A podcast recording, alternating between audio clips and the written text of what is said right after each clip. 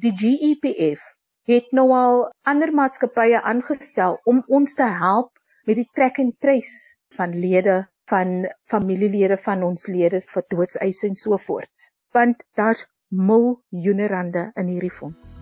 Vandag gesels ons oor onopgeëiste voordele by die pensioenfonds vir staatsamptenare. Goeiemiddag en baie welkom by die 6ste program in die reeks. Ek is Olivia Sambo vir Rand en Sent. RSG 100 tot 104 FM. Baie dankie dat jy ingeskakel het. Die program word met trots aangebied deur SAK Radio Opvoedkunde in samewerking met die Pensioenfonds vir Staatsamptenare.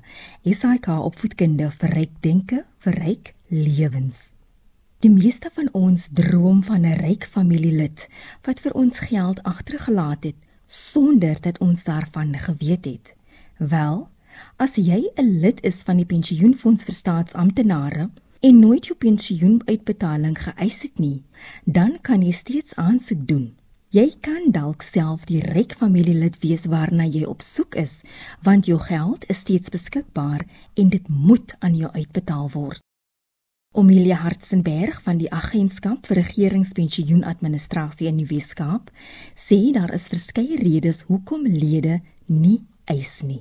As jy bedank en jy het nooit vir ons voorsien van die eisvorm of jou bankbesonderhede nie, kan dit nie betaal word nie. Die reëls van die fonds sê dat enige uitdienstrede binne 60 dae na jou uitdienstrede datum uitbetaal moet word. So binne 60 dae moet ons kan betaal. Nou as ons nie binne 60 dae hierdie voordeel betaal het nie, word daar rente op hierdie voordeel geplaas. So jy het vandag R1000 in die fonds en jy bedank, maar jy doen nooit die moeite om die geld te vra nie. Oor 'n jaar het jy nie meer R1000 in die fonds nie.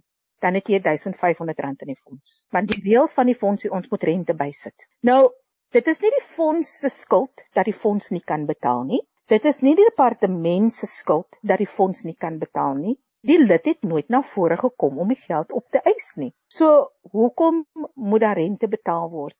En dit is hoekom hulle dan soort van hierdie geval dan in die onopgeëiste fonds gaan neersit. Ons sê vir SARS, hier's 'n R1000 van die lid, hy't klaar gemaak, dit word soos 'n gewone uitdienstrede gehanteer.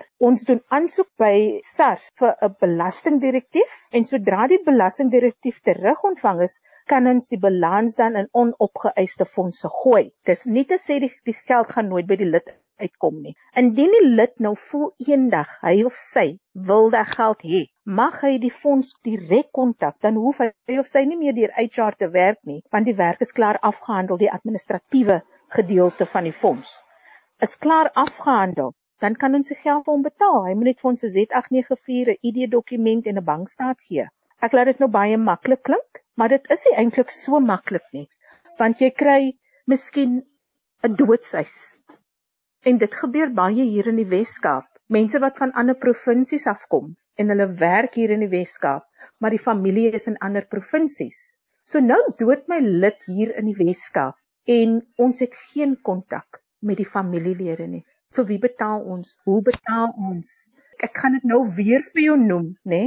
Ons het 'n kinderpensioen wat geïmplementeer was nou 2 jaar gelede. En my baas sal altyd by die robot as hy stop by die verkeerslig, dan sal die kindertjies uh, bedel vir geld, dan sal hy altyd sê, "Shame, ek wonder of hierdie kind se se ma se pa miskien nie vir die government gewerk het nie. Hy of sy kan miskien 'n pensioen kry." Weet jy, ons is so desperaat, né? Nee? Die GEPF het nou al ander maatskappye aangestel om ons te help met die track and trace van lede van familielede van ons lede vir doodseise en so voort. Want daar's miljoene rande in hierdie fonds, hoor. Jy het volle toegang tot jou geld, ongeag wat die rede was vir jou uitdienstrede. Niemand mag jou toegang weier tot jou geld nie, want die wet bepaal dat jy betaal moet word vir die aantal diensjare wat jy gewerk het.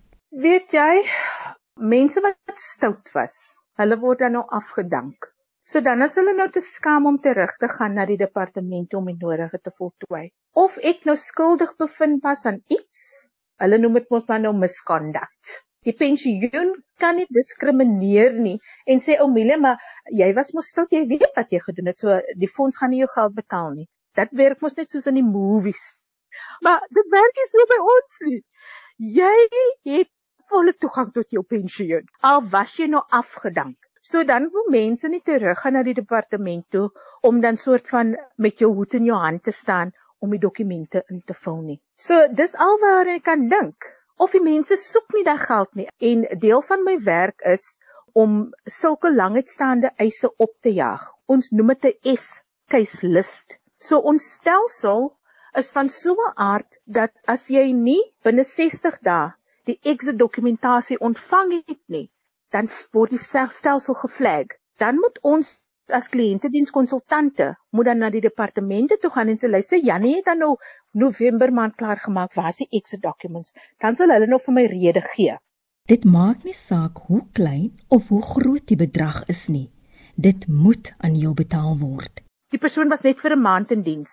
En dan is dit ook 'n onopgeëiste eis op die ouende van die dag. Verstaan jy die want die persoon het nie die geld nodig nie of dit nou R10 is of 'n R100 is, dit moet ongelukkig gedoen word. En hoe kan jy uitvind of daar geld vir jou beskikbaar is by die pensioenfonds vir staatsamptenare? Die beste sal wees om eers met 'n GPF kantoor in verbinding te tree om uit te vind of daar al 'n eis ingehandig was al dan nie, want dit gaan bepaal watter dokumentasie voltooi moet word. Sien op 'n voorbeeld die departement waar die persoon werksaam was het alreeds die Z102, dit is die hoofdokument ten opsigte van 'n uitbetaling, alreeds aan ons gestuur en ons het alreeds die geld betaal in die onopgeëiste fondse. Dan kan die lid net 'n Z894 gee, afskrif van sy ID gesertifiseer natuurlik, nie oor as 6 maande nie en um, 'n um, bank staan en dit by enige GPF kantore inhandig. Maar indien daar nog geen dokumentasie ingehandig was nie, dan moet hulle teruggaan na die departement toe waar hulle werksaam was, want dan moet dit elektronies gelaai word. Dis 'n groot frustrasie vir die fonds dat daar so baie geld is van lede wat nie geëis word nie en hulle probeer verskillende metodes om lede op te spoor. Ons het nou onlangs en ek dink hierdie is deel van die ek gaan nou sê 'n um, campaign. Hulle doen nou radio onderhoude onder andere. Ek sien nou hulle doen advertensies ook op die verskillende radiostasies. Ons het koerante genader waar die mense sê my lede wat onopgeëiste fondse het, waar hulle name gepubliseer was. Wat meer kan ons doen? Dit was Omilie Hartzenberg wat gesels het oor onopgeëiste voordele. As jy ook weet van 'n familielid, 'n vriend of enige iemand in jou gemeenskap of kerk wat nie hulle pensioenuitbetaling ontvang het nie, deel die inligting met hulle. Dit kan dalk net iemand se lewe verander. Jy kan na enige van die instapdienssentrums toe gaan of van een van die satellietkantore gebruik maak of skakel die pensioenfonds vir staatsamptenare by die tolvrye nommer 0800 117 669. Bly ingeskakel, ons verskaf weer die besonderhede aan die einde van die program. Daar is miljoene rande wat onopgeëis is by die pensioenfonds vir staatsamptenare. En 'n paar van daai rande mag dalk aan jou of 'n familielid behoort, omdat die geld nooit geëis is nie. Een van die redes hoekom geld nooit opgeëis word nie, is dat lede sterf en hulle naasbestandes nie weet dat hulle wel aansoek kan doen vir enige geld nie. Amelia Hartzenberg is 'n kliëntedienskonsultant by die Agentskap vir Regeringspensioenadministrasie in die Weskaap. Sy verduidelik dat daar verskeie redes is hoekom geld uiteindelik in die onopgeëiste fonds oorgeplaas word. Omdat ons stelsel wat ons gebruik is soort van dieselfde soos die e-filing wat SARS in plek het ons het die PCM pension van case management system in plek. So indien ons dit terugstuur as gevolg van 'n fout op die dokumentasie, word daar 'n SMS uitgestuur na die lid toe en 'n e-pos na die departement toe. Met ander woorde, die persoon wat die geval gelaai het op ons stelsel, word dan in kennis gestel Dit hang nou af watter tipe fout dit is, nê? As dit 'n administrasiefout is, dan moet die personeelbeampte dit regmaak op die stelsel en weer aan ons gee. Maar sê byvoorbeeld dit is die bankvorm wat verkeerd voltooi was.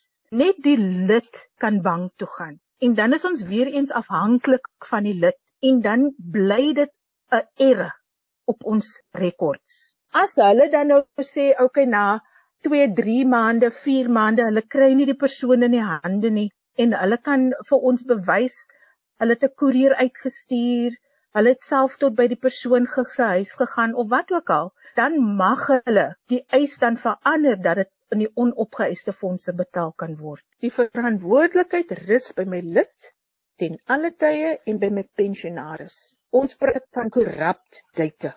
Dit klink baie erg, né? Maar dit is basies net die inligting is reg en ons kan dit nie fix sonder die lid se hulp nie. Gebrek aan kommunikasie deur lede is een van die groot kopsere vir die fonds. In elke verhouding, of dit nou meisie en ouetjie is, of wat nou werkgewer werknemer is. Is kommunikasie mos baie belangrik. Nou as ons jou verkeerde inligting op ons rekord het, op ons database het, kan ons mos nie lekker kommunikeer met jou nie. So mense kla, ek kry nie kommunikasie van die fonds af nie. Die eerste vraag is, wanneer laat dit jou inligting opgedateer? Ek sê altyd ons is die 21st century nou. So in steede van om 'n brief in die pos in te gooi, gaan ons 'n e-pos vir jou stuur of 'n SMS vir jou stuur. Maar daai SMS kom nooit by jou uit nie omdat jy nog nie jou regte selfoonnommer vir ons gestuur het nie. Die brief kom nie uit by jou nie want jy het nooit vir ons laat weet jy het van Bredasdorp na Mauritius toe getrek nie. So hoe bou jy 'n nasie? Vra ek met trane in my oë. Wanneer jy jou selfoonnommer verander, moet jy jou inligting ook opdateer by die fonds. Dis 'n klein verandering wat groot implikasies vir jou inhou. As ons praat van jy jy gaan 'n diens het en daar's 'n ou selfoonnommer gelaai op hierdie uitdienstree vorm. Sodra die vorm aan die fonds oorhandig is elektronies, dan skop ons stelsel 'n SMS uit om die lid in kennis te stel. Ons het nou jou dokumentasie ontvang onmiddellik as die lid dit kry, peace of mind. Die personeelkantoor het gedoen wat hy of sy moes gedoen het. Nou is ons besig om die dokumente te prosesseer en daar is 'n fout op die dokumente. Dit word elektronies terugverwys na die departement. Weereens skop die stelsel 'n SMS uit vir die lid. So as jou nommertjie nie reg is nie, gaan jy nie weet wat die stand van jou uitdienstree eis is nie jy gaan dan nie weet die departement het 'n fout gemaak en is nou ek gaan nou met HR kontak en sê luister hierso ek het nou 'n SMS gekry. Fix daai probleem en submit asseblief weer. Jy weet nie van dit nie omdat jy nie die SMS gekry het nie. As alles glad verloop het, administrasieproses. Laaste SMS wat ons uitstuur is wanneer ons 'n SMS uitstuur as ons die belastingdirektief ontvang het van SARS. Dit is een van twee SMS'e. Dear GPF member, we've received your tax directive. Payment will take place shortly. Of dit kan sê ons het die direktief terug ontvang, maar daar is fout. Kontak asseblief vir SARS. Want onthou SARS mag nie vir ons sê wat verkeerd is op die lid se profiel nie. Dit is mos 'n aangeleentheid tussen die lid en SARS. Nou as jy nie daai SMS kry nie, gaan jy nooit weet GEPF kan nie betaal nie want SARS kan nie 'n belastingdirektief uitreik nie omdat jy iets moet gaan regmaak by SARS. So op die einde van die dag skiet jy jouself eintlik in die voet as jy nie die regte besonderhede vir ons gee nie. Want dan gaan jy nooit die kennisgewings kry wat jy veronderstel is om te kry nie. Lede kan hulle besonderhede aanlyn verander. Weet jy met hierdie um selfhelp program wat nou beskikbaar is aan ons lede. Dit is so maklik om aan te laai en te kyk wat jou adres is, om te kyk wie jou genomineerdes is en jy kan dit verander in the comfort of your home. Ons probeer regtig van ons kant af om dit gemaklik te maak vir die lede of pensionaarsse om hulle korrekte inligting vir ons te gee. In die ou tyd, voor hierdie tegnologie, kon dit gedoen gewees het net deur 'n Z864 te voltooi, persoonlike inligting vorm. Maar wat 'n verskoning het my lede nou? Want dit kan wees op jou vingerpunte, op jou selfoon, op jou rekenaar. Kan jy jou goedjies verander? Maar hulle moet egter eers registreer voordat hulle toegang tot die inligting kan kry. Ehm um, jy kan op die gewone GPF www.gpf.co.za gaan en dan self-help service op klik en die vormpie voltooi. Jy stuur die vorm per e-pos na selfhelp@gpa.gov.za. Hulle sal dan vir jou e-posie terugstuur om te sê klik hierop om jou besonderhede te bevestig verander jou jou jou wagwoord of jou paswoord en daar het jy toegang tot alles. Jou eie inligting. Briewe wat uitgegaan het, voordele state wat uitgegaan het. En ek dink dit is 'n absolute fantastiese diens wat ons nou bygevoeg het vir ons lede en ons pensionaarsse. Die inligting is daar. Die platform is geskep. So help jouself. So gesels Omelia Hartzenberg van die Agentskap vir Regering Pensioenadministrasie in die Weskaap. Net weer die besonderhede waar jy aanlyn kan registreer. Gaan na www.gepf.co.za.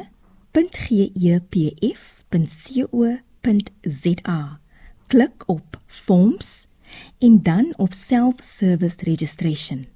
Klik op Download en laai die vorm af. Voltooi die vorm en stuur dit terug aan Self-Service Support een woord by gpa.gov www.rsg.za.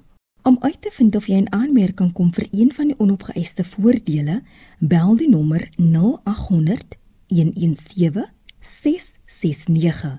Oproepe na die nommer is gratis vanaf enige Telkomlyn of gaan na een van die instanddienssentrums. Jy kan ook 'n e-pos stuur na inquiries@gepf.co.za of besoek die webtuiste by www www.co.za, dan kan jy ook op Twitter kommentaar lewer. Jy kan ook na die webtuiste van die finansiële sektor gedragsowerheid toe gaan by www.fsca.co.za